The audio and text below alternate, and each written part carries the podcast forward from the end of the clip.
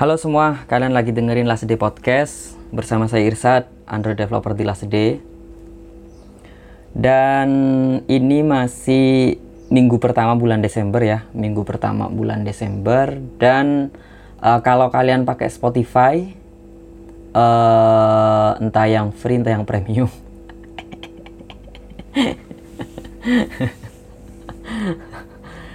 ini mungkin apa ya? Uh, kalau buat kalian yang masih pakai Spotify free gitu ya nggak ada masalah. Cuman uh, maksudnya ini ya bukan ini. Uh, saya meluruskan saya bukan orang yang pengen sok-sokan nggak sombong gitu. Uh, cuman bukan berarti pengen ngehina yang pakai free gitu. Jadi uh, sebelum menggunakan Spotify itu sebelum bener-bener pakai Spotify, uh, kan saya dari awal pakai premium ya. Tapi ada ceritanya maksudnya. Jadi itu dulu uh, saya awal tahu podcast itu diceritain sama Mas uh, Amirul dari kawan coding. Uh, terus setelah itu kan di, diceritain bahwa ada podcast, ada audio kayak berformat radio gitu, tapi dia uh, bernama podcast. Jadi tidak perlu saluran khusus, orang ngerekam terus cerita gitu, bisa talk show, bisa seminar, bisa uh, apa ya dialog gitu, dialog show maksudnya. Nah sebelum itu saya belum menggunakan Spotify sampai akhirnya ada temen yang ngajak untuk join Spotify Family gitu. Jadi uh, dia bilang uh, bayarnya berapa ya? Kalau nggak salah saya bayar ke dia itu lima puluh ribu buat setahun. Cuman kurang tahu ya maksudnya pembagiannya kayak apa. Cuman waktu itu saya diminta puluh ribu dan sampai sekarang gitu. Sampai sekarang itu akhir tahun kemarin. Jadi kenapa saya pengguna Spotify Premium? Karena dari ketika saya belum menggunakan Spotify itu dia itu diajak sama temen gitu. Itu sama cerita kayak Netflix gitu ketika rame orang menonton Netflix saya biasa aja. Sampai akhirnya ada uh, teman saya yang ajak untuk join akunnya dia. Jadi login di Netflix saya menggunakan email dia gitu. Terus uh, kita dipisahin ak akun di dalam ak akunnya dia. Jadi kan di satu akun di Netflix kayak semacam bisa bikin beberapa akun di dalam. Jadi biar history punya history masing-masing gitu. Jadi kayak gitu. Bukan maksud saya Uh, mungkin kalau dari awal saya berniat untuk pakai Spotify Premium gitu enggak sih kayaknya.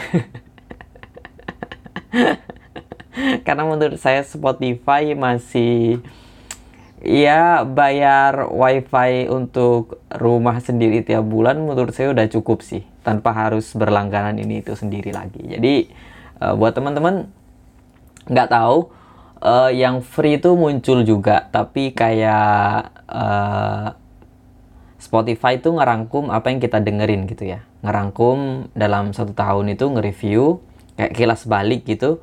Uh, dia bikin 2020 Wrapped yang dirangkum kita ngedengerin apa aja gitu.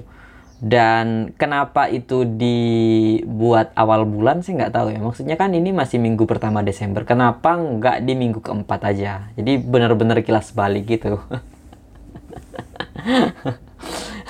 mungkin karena Spotify uh, ngira kalau udah pertengahan akhir bulan mungkin kita sudah sibuk holiday gitu ya, sibuk liburan. Jadi mungkin nggak dengerin Spotify lagi gitu. Jadi ditaruh di awal biar ya kita masih di rutinitas kita, kemudian kita bisa ngelihat kilas balik apa yang kita dengerin di Spotify gitu. Dan uh, ternyata setelah saya share beberapa ada teman-teman di uh, Instagram, di Facebook bahwa di sana juga ada Last Podcast. Ya saya jujur ya seneng lah gitu maksudnya cuman cuman ya dan beruntungnya juga bukan menjadi nomor satu gitu ya. Jadi uh, Last Day nomor tiga, nomor empat, nomor dua gitu. Ya oke okay lah gitu. Uh, kalau bener-bener cari mau cari yang developer mungkin yang saya rekomendasikan mungkin ada ceritanya developer ada kode nol dari Deep Tech terus yang lain apa ya uh, kurang tahun sih kurang tahu sih cuman itu kayak success story gitu jadi kalau teman-teman beneran mau uh, sukses di teknologi, mungkin cerita dari sana itu menginspirasi. Ya lumayan menginspirasi. Buat uh, teman-teman yang masih mencari jati diri gitu, cerita inspirasi penting kayaknya. Iya iya iya. Terus apalagi yang mau dibahas ya? Oke ceritanya kita kan mau ya apa kabar tentang resolusi kita di 2020 gitu. Oke, karena ini di podcast jadi paling enggak ya kita ngebahas podcastnya juga gitu ya. Terus buat teman-teman yang uh, podcast teknologi, tapi kalau teman-teman beneran nyari tutorial coding gitu atau teknologi apa pun tapi di Spotify coba search by keyword aja gitu. Misalkan kayak nyari podcast tentang coding tapi ini dari luar ya, ya jadi ketik aja di situ. Itu ada kok yang ngebahas tentang coding banget itu dari luar banyak. Salah satunya itu kayak uh, Ray Wonderlick itu ada podcastnya. Terus kayak Treehouse itu ada podcastnya. Jadi uh, buat ini ya bagus juga mungkin. Buat teman-teman yang sambil ngoding. Kalau nonton YouTube kan ribet sambil kerja gitu kan ribet ya. Karena saya sendiri dengerin podcast sambil nggak ngapa-ngapain kayaknya enggak sih. Dengerin podcast pasti sambil ngapa-ngapain gitu. Sambil makan sambil kerja sambil browsing atau sambil apa pun gitu. Jadi untuk yang butuh butuh ditonton banget kayak YouTube gitu uh, susah kalau ngebaca tutorial kalau beneran cari yang teknikal banget, uh, banyak dari luar. Cuman kalau di Indo saya kurang tahu sih uh, ada atau enggak gitu. Itu kalau teman-teman mau cari gitu. Uh, kalau enggak ya buat hiburan aja kayak last day gitu buat hiburan. Jadi saya senang beberapa teman-teman itu ada yang share tentang last day podcast di storynya tentang uh, kilas balik Spotify. But uh, saya senang juga bukan jadi nomor satu. Sebenarnya oh, maksudnya kan karena di beberapa episode pada akhirnya uh, ceritanya kan bukan cerita tentang inspirasi, yang ngobrol biasa kayak gini. Cuman paling nggak saya seneng sebenarnya kayak gini ya. Oh, kenapa nggak pengen jadi nomor satu? Karena kalaupun kalian pengen jadi Android developer gitu, ini nggak ngomongin tentang podcast aja. Terus kalian kayak ambil kursus Silas D kan ada beberapa banyak judul gitu Uh, saya juga nggak berharap kalian belajar jadi dari last day aja terus jadi developer handal gitu maksudnya. Uh, kayaknya uh, jawaban singkatnya nggak bisa juga gitu. Kalian harus tetap uh, nonton YouTube, maksudnya cari tutorial gratis di sana. Kalian tetap perlu Stack Overflow. Kalian tetap uh, tahu cara how to Google as a developer. Jadi itu itu yang penting juga karena beberapa teman-teman itu yang nanya kayak di WhatsApp atau di grup Facebook ya keyword untuk mencari tutorial tersebut kayak apa mas gitu jadi memang itu penting juga gitu jadi kalau ya eh, mengandalkan kursus silas dia aja tetap nggak bisa gitu tapi kalau teman-teman modalnya maksudnya uangnya cukup gitu uh, ambil kursus silas terus kursus di mana lagi gitu terus uh, di compare gitu Uh, kalau saya nggak tahu ya, saya kan kerja juga di kantor gitu. Uh, kadang cara saya nyari referensi gitu mungkin beda sama partner saya. Kalau dia kan uh, bagaimana works, bagaimana tutor uh, referensi itu bekerja, terus bagaimana tutorial itu tutorial itu bisa uh, menjadi best practice dengan metode yang kita pakai. Kalau saya ketambahan satu lagi, bagaimana uh, referensi itu bisa saya jelaskan dengan baik ke orang. Jadi ada tambahannya gitu. Jadi kadang di situ yang kadang itu garis temunya nggak cepat gitu. Jadi nyari tutorialnya lumayan gitu.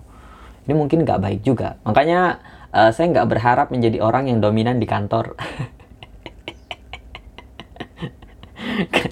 Karena usaha saya untuk mencari referensi itu nggak buat kantor aja, tapi buat uh, saya sendiri juga gitu. Uh, jadi mungkin itu ya. Jadi mungkin uh, ya saya jadi programmer biasa aja nggak apa-apa. yang penting kalau dengerin podcast sebelumnya, yang penting kita punya tempat untuk pulang. Itu yang utama itu sih sebenarnya. Nah begitupun khusus di last day. cuman kenapa kalian harus banyak studi kasus gitu kenapa di last day itu belajar Kotlin aja bikin ini bikin itu bikin ini bikin itu karena biar kayak uh, literasi tentang itu feature itu function atau itu uh, algoritma gitu biar banyak di kepala kita gitu. Oh pernah bikin ini oh pernah bikin ini. Kayak kita bikin drop down aja kan macamnya banyak gitu. Jadi itu yang perlu uh, ditaruh di memori kepala kita gitu. Makanya uh, kalau orang bilang satu pemrograman itu cukup untuk untuk fundamental cukup. Cuman kalian harus banyak case yang kalian bikin gitu kayak bikin CRUD udah bisa gitu. CRUD-nya ditambahin lagi ditambahin pakai checkbox pakai uh, radio button terus kemudian uh, gimana kita kalau CRUD pakai database gitu gimana uh, kita bikin kayak relasi database. Jadi di sana selain primary key kita juga tahu cara kerja dari sebuah foreign key. Jadi hal-hal seperti itu itu kan fundamentalnya satu cuman harus uh, case by case sampai akhirnya kita uh, siap untuk masuk ke project beneran gitu kalau enggak kita ya lumayan kerepotan kalau uh, fundamental kita bagus itu uh, kan nggak terbukti ya kalau kita belum benar-benar kerjain project gitu. Kalau fundamental bagus itu mungkin bisa hmm, gimana ya? Fundamental bagus itu kalau matematika kita bagus. Karena matematika saya nggak bagus, jadi uh, mendengar kata-kata fundamental fundamental yang kuat itu cukup, saya kira nggak cukup gitu karena nggak akan ada cukupnya tentang uh, fundamental itu cukup. Jadi kadang kita ngerjain project gitu, project uh, kompleks dan kompleks banget. Kadang kita perlu balik lagi ke fundamental gitu. Uh, kalau saya selama ini kayak gitu sih. Jadi mungkin untuk orang-orang yang uh, sebelum ke Kotlin apakah Java dulu? Ya udah Java aja gitu. Kalau mau belajar Kotlin ya udah Kotlin aja gitu. Terus kapan kita bisa uh, ngerjain project Android Kotlin kalau kita belum bisa Java. Uh, kayaknya ya udah jalanin bareng aja gitu. Kalau kalian nggak yakin bahwa kalian bisa ngerjain project, berarti uh, kalian ini buka uh, fundamental iya tentang logika bagus iya, tapi paling nggak itu kenapa pertanyaan itu nggak kita buktiin sendiri aja gitu loh. Kita mau bikin sistem informasi rumah sakit misalkan, ya udah kita bikin bikin flow sendiri aja kayak video code-nya kita bikin sendiri, flow chart-nya kita bikin sendiri, terus kerjain itu dan anggaplah itu portofolio kalian. Maksudnya daripada kita bertanya-tanya apakah portofolio, apakah saya bisa ngerjain project ini, project itu gitu. Karena ketika kita terjun beneran jadi kayak software engineer-nya rumah sakit, pasti case-nya akan lebih kompleks dari apa yang kita bayangin. Apa yang kita bayangin pasti lebih kecil dari uh, project yang real di lapangan. Uh, mending kalau kita masih bertanya-tanya kayak uh, apa yang di kepala kita itu yang kecil itu dibuktiin aja gitu oh mas kan saya ada proyek tugas akhir oh mas saya kan uh, perlu cepat kerja oh mas kan saya uh, apa ya ada banyak kegiatan lain selain programming. Itu berarti masalah tentang time management gitu manajemen waktu kita gitu. Jadi ya nggak usah banyak alasan gitulah.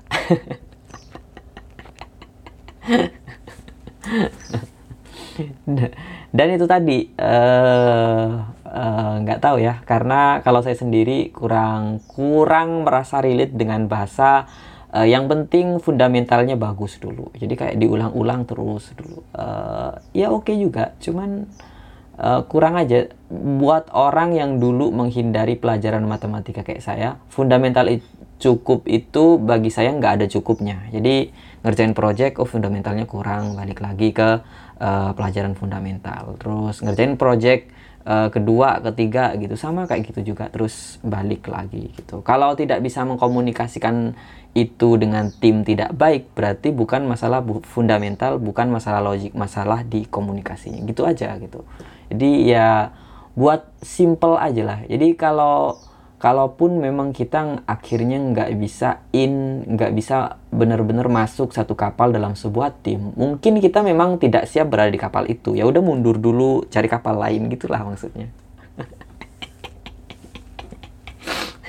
Ribet ya maksudnya.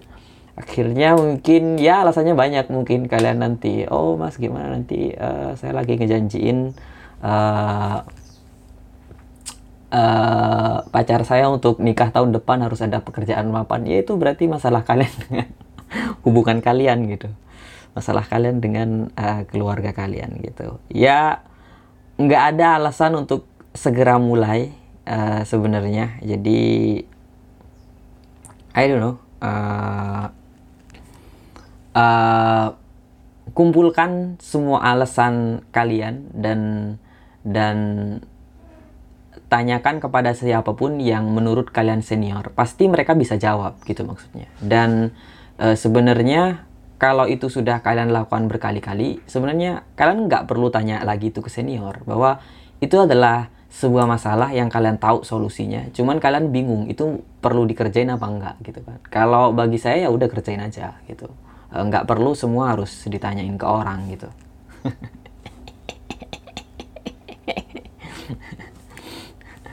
Oke, okay, terus uh, next next apa ya? Hmm, kemarin saya bikin story tentang uh, teman yang suka ngenasehatin tentang uh, mendapatkan jodoh gitu. Uh, saya nggak tahu ya, maksudnya perasaan nggak suka ini kemarin masih ada apa enggak? Cuman maksudnya itu tidak merusak hubungan saya dengan teman saya tentang uh, memberikan saya tips, uh, memberikan tips untuk mendapatkan jodoh gitu maksudnya. Tapi yang mau saya informasikan gitu, kayak kalian yang dengerin podcast ini gitu, ya biar kita lebih nyambung aja kalau ngobrol. Itu nggak ada rasa benci sama sekali kepada uh, teman saya itu gitu. Jadi gini cerita agak lengkapnya ya, tapi nggak lengkap banget. Jadi tiba-tiba dia ngajak ketemu gitu, uh, dia mampir tempat saya, cuman uh, saya ajak ketemuan di depan gang aja di depan sebuah warung kopi gitu. Jadi dia nggak masuk sini. Uh, terus sebelum dia ngobrol gitu saya bilang dulu sebelum dia pembukaan gitu saya pembukaan dulu. Uh, kemarin kamu ditanyain orang banyak terus saya jawab itu uh, kamu anak ini bakalan muncul kalau nanti udah nikah dan dia udah mau nikah dan dia perlu nyebarin undangan. Dan ternyata benar kemarin itu mau ngundang nikah gitu.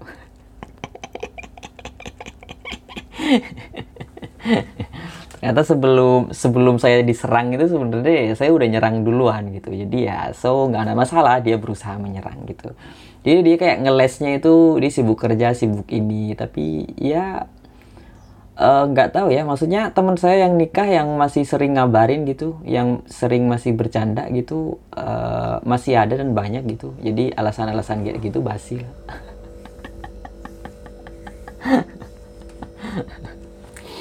Ah, terus kemudian uh, kalau baca di story saya kan saya nggak nanya gitu kan. Ya tiba-tiba dia langsung bilang sebaiknya kalau cari jodoh itu jangan orang yang jauh jangan orang yang luar pulau jangan ini jangan itu gitu uh,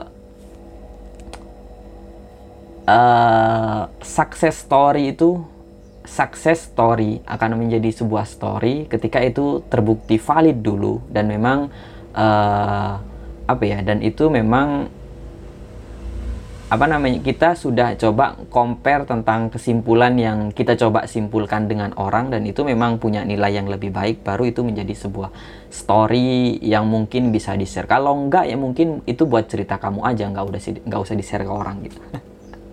Jadi ketika jawab kayak gitu tuh ya saya bilang uh, mungkin ada orang yang lebih pas mendengarkan nasihat yang kamu bilang cuman saya udah nggak percaya kayak gitu. Maksudnya kalau kamu bilang itu dia kan lebih tua dari saya dan baru mau nikah gitu. Kalau teori kamu menurut kamu kayak gitu ya kenapa dari dulu nggak nikah sama tetangga kamu aja gitu?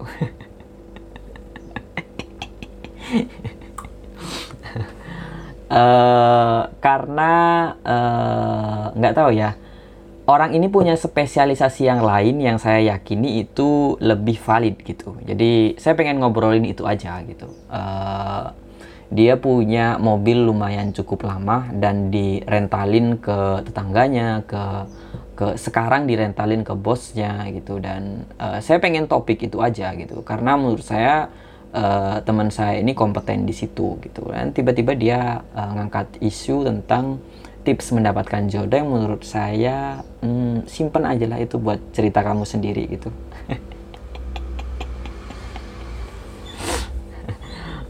teori yang saya ambil kemarin adalah teori tentang kita kan beli buku atau datang ke seminar gitu uh, kita beli karena kita pengen punya apa yang orang lain punya gitu. Jadi begitupun tentang tips jodoh uh, menurut teori singkat saya walaupun kalau dilebarin ya mungkin beda lagi gitu.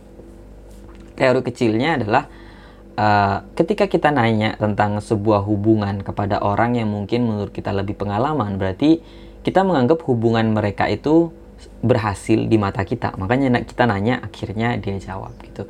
Tapi kan ada beberapa hubungan yang kita tahu itu nggak terlalu berhasil menurut pandangan kita, walaupun menurut dia berhasil gitu.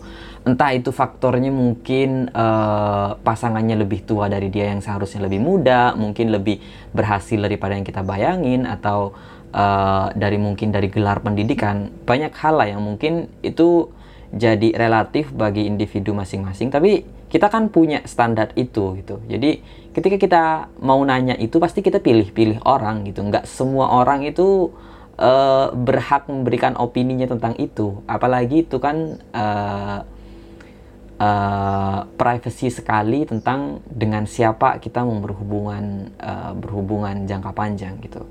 So buat kalian yang ngerasa tidak diminta nasihat itu ya sebaiknya simpen aja lah. Mungkin memang teman kita nggak pengen ngobrolin itu gitu. Uh, ya itulah. Mungkin uh, tipsnya buat uh, kalian yang udah nikah gitu jawablah dengan sebaik mungkin ketika ditanya. Kalau nggak nanya nggak usah lah. Sok-sokan kayak relationship kalian the best in the world yang perlu semua orang tahu gitu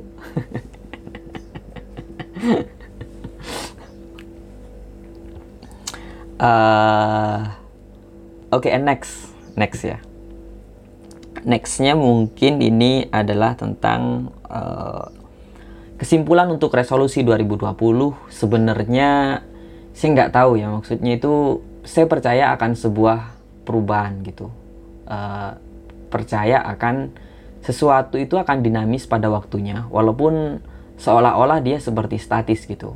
Uh, kayak kayak orang dulu orang dulu itu pendapatnya A gitu dan dia yakin dengan A tersebut. Dua atau tiga, tahun ke kemudian mungkin dia sudah nggak berpegang pada prinsip itu lagi gitu. Dan uh, saya percaya itu bahwa ya semuanya akan berubah entah itu uh, pendapat kita tentang uh, prinsip kecuali tentang keyakinan agama beda lagi gitu. Uh, tentang hal-hal yang terjadi di dunia ini gitu. Jadi kayak kapan hari itu uh, uh, saya ngobrol sama teman terus dia nanyain tentang uh, Mardigu. Mardigu siapa ya di YouTube? Terkenal banget itu. Uh, terkenal banget dan ya saya sendiri ngikutin bukan ngikutin ya. Mardigu bentar bentar. Saya perlu search Google dulu. Mardigu Wowi gitu.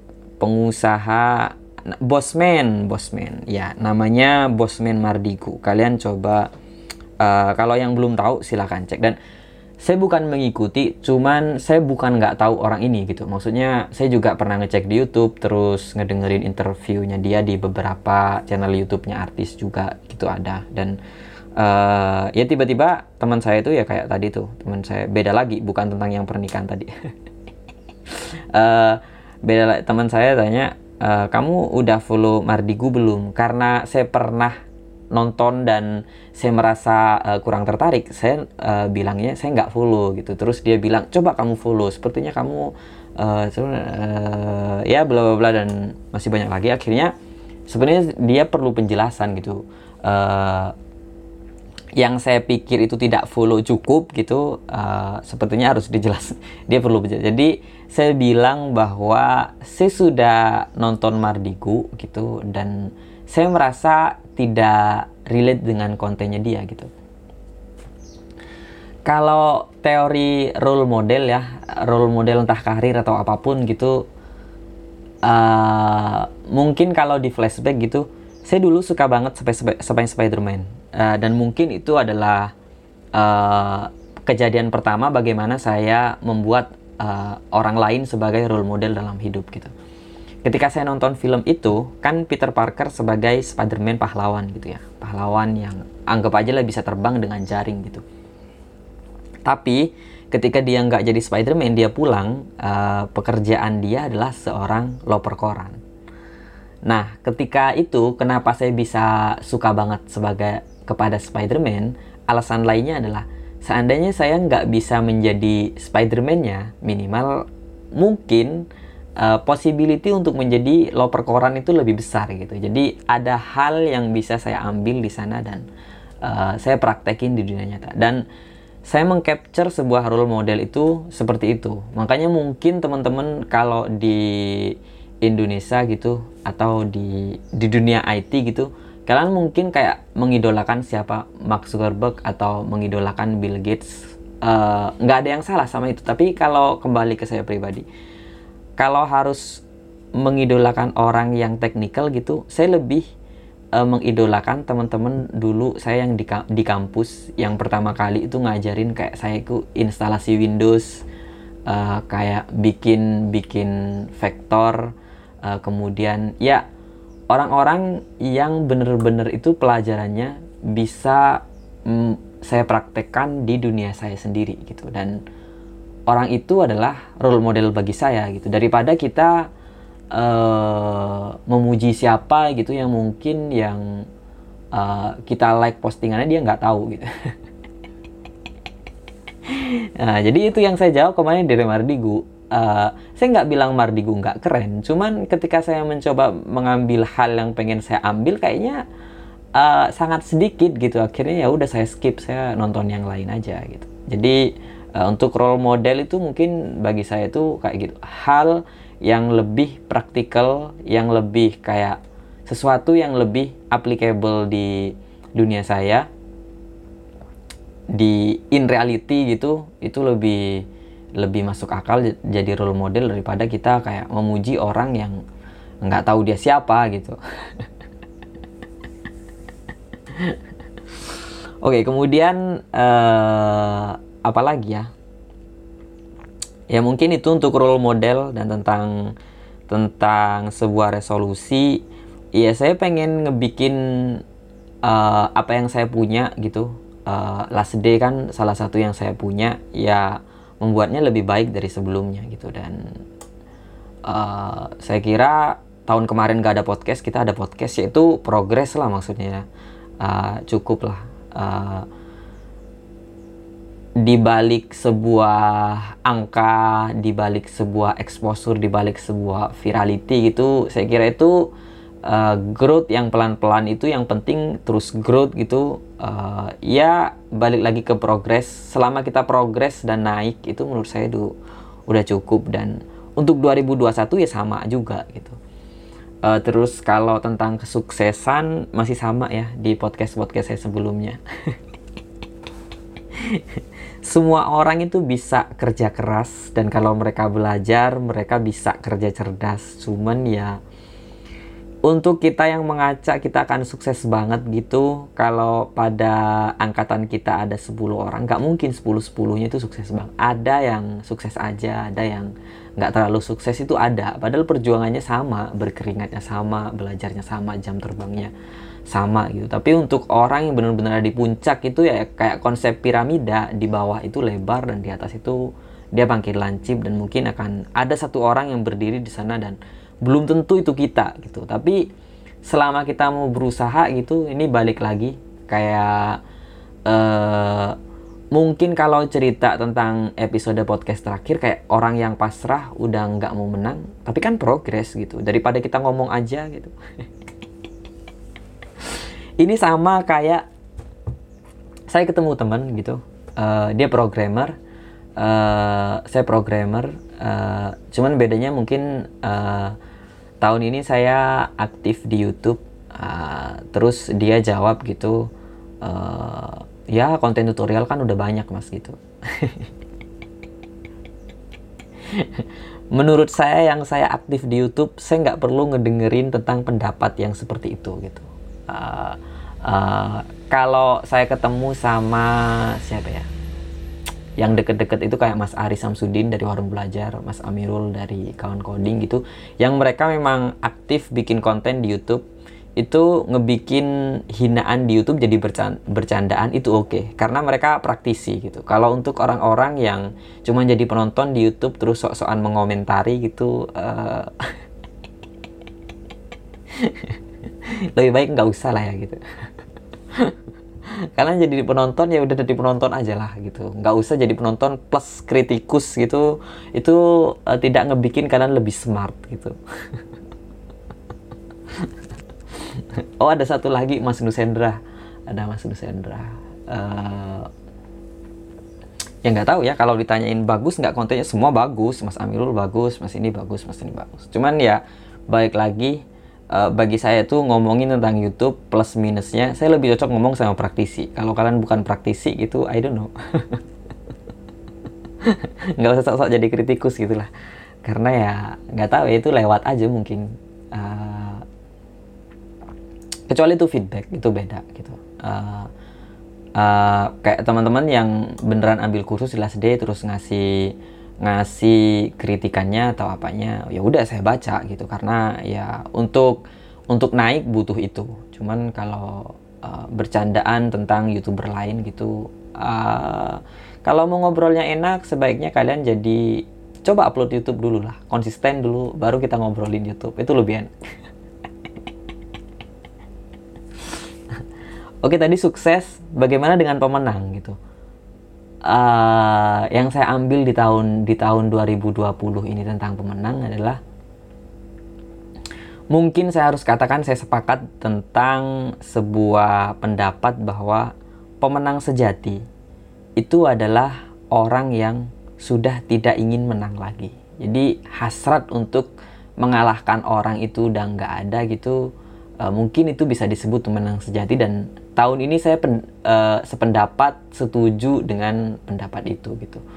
Jadi kalau kalian lihat di last day tahun kemarin itu saya masih ngefollow untuk sebuah akun-akun yang memiliki konten yang sama gitu, yang uh, punya kemiripan. Sekarang itu saya udah unfollow semua uh, last day podcast juga, kecuali kayak akun pribadi gitu saya biarin karena ya mereka sudah saya follow sebelum ada keinginan seperti ini maksudnya. Ya selama kita ada di sebuah industri A gitu dan kita sudah merasa nggak perlu mengorek informasi di untuk bersaing, saya kira uh, kita sudah menjadi kreator sejati ketika kita udah nggak peduli kreator lain bikin apa gitu dan kita fokus aja di apa yang kita bikin. Nah itu uh, mungkin kata uh, sejati itu uh, buat orang-orang yang seperti itu gitu. Kalau kalian masih bikin sesuatu terus kayak kayak masih sibuk men sibuk mencari kompetitor kalian siapa, kemudian apa yang perlu kalian benahi dengan itu dan uh, apa misi-misi uh, kalian untuk mengalahkan mereka kayaknya nggak tahu ya itu mungkin buat pemula aja sih.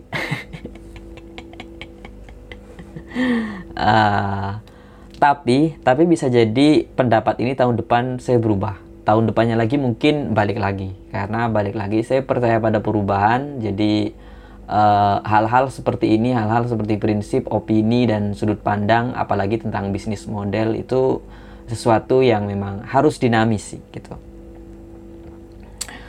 Oke mungkin itu untuk kontennya. Apa kabar resolusi kalian? Uh, I don't know. Mungkin kalian kalau mau curhat di @las di podcast bisa via DM di situ. Ada satu postingan bisa komen bisa kok bisa DM uh, uh, eh, mungkin uh, ya bisa kita bahas di sini.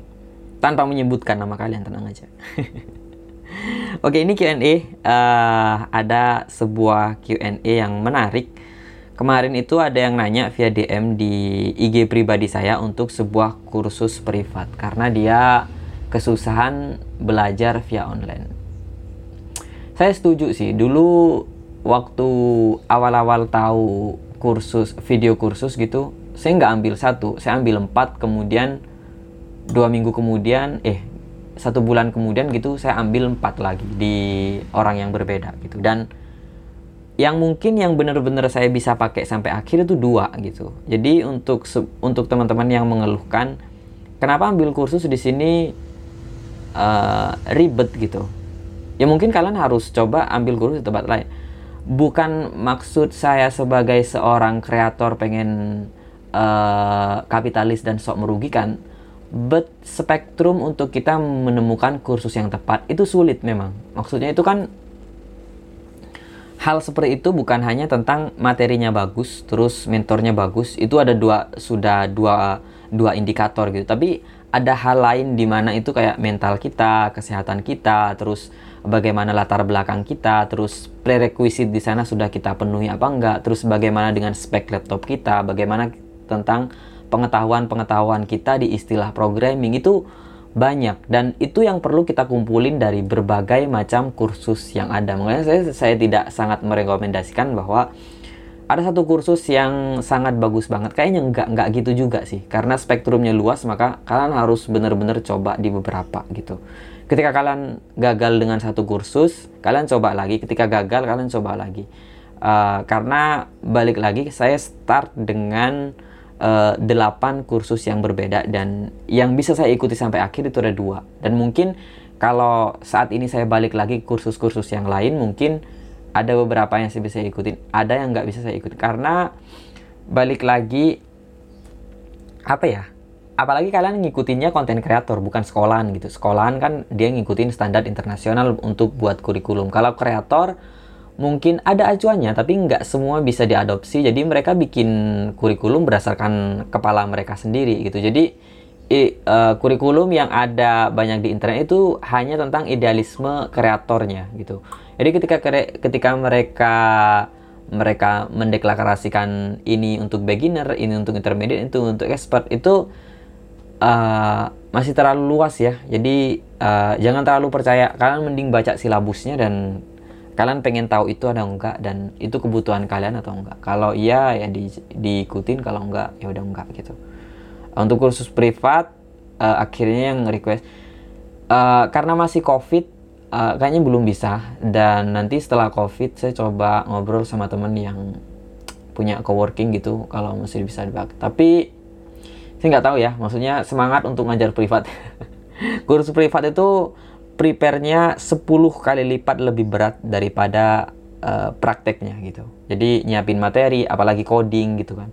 Yang selama ini saya rekaman itu pakai dual monitor, satu buat kerpean, satu buat ini, tapi sebelum itu dites dulu. Itu prosesnya udah panjang, apalagi untuk kursus privat. Saya nggak tahu, maksudnya ekspektasi kalian kursus privat itu kayak apa goalnya gitu. Apa kalian punya project sendiri dari rumah dan pengen dibantuin mentor? Uh, kalau kayak gitu mending cari freelancer untuk ngerjain itu dan minta ajarin ketika udah selesai. Itu lebih lebih masuk akal daripada kalian kayak ngebayangin bahwa mentor kalian sudah pengalaman terus hafal semua function itu nggak mungkin. Uh, perlu perlu waktu untuk Google juga dan ketika itu dibuang ketika prak, praktek online itu ya sayang waktunya aja gitu nggak tahu kursus privat itu kayak apa ya yang terjadi sekarang. Karena kalau di kelas itu udah silabusnya dan kita harus ikut itu gitu. Uh, kalau saya pribadi lebih baik itu hmm, saya lebih tertarik untuk tawaran pekerjaan. Jadi mungkin kalau kalian lagi mau bikin sesuatu atau butuh tim yang uh, waktunya bisa fleksibel gitu. Uh, kalau kum komit tiap hari mungkin bisa, cuman kalau ada jam kerjanya gitu saya nggak bisa gitu. kalau bisa malam atau siang, uh, yang penting progres terus uh, good communication saya tidak good sih, cuman uh, kalau bisa komunikasi apa adanya gitu nggak uh, tahu ya. Karena mungkin ekspektasi saya udah bukan gaji, udah bukan posisi gitu. Karena saya sudah jadi owner di Lasdi dan mungkin semua role yang ada di luaran gitu bisa saya kerjain di Lasdi gitu. Jadi saya nggak perlu itu. Yang penting ya lingkungannya cocok, orangnya cocok, kemudian baru yang terakhir gajinya. Ya, gaji bukan lagi prioritas, apalagi untuk posisi ya. Jadi mungkin kalau kalian punya kerjaan seperti itu dan yang pasti remote kalau perlu perlu meet up seminggu sekali kayak di kantor saya sekarang ya bisa lah gitu. Jadi kalau kalian punya tawaran kerja yang semacam itu mungkin saya lebih tertarik daripada tawaran untuk uh, mengajar kalian secara privat gitu. Ya mungkin itu aja untuk podcast kali ini. Thank you buat semuanya and see you guys.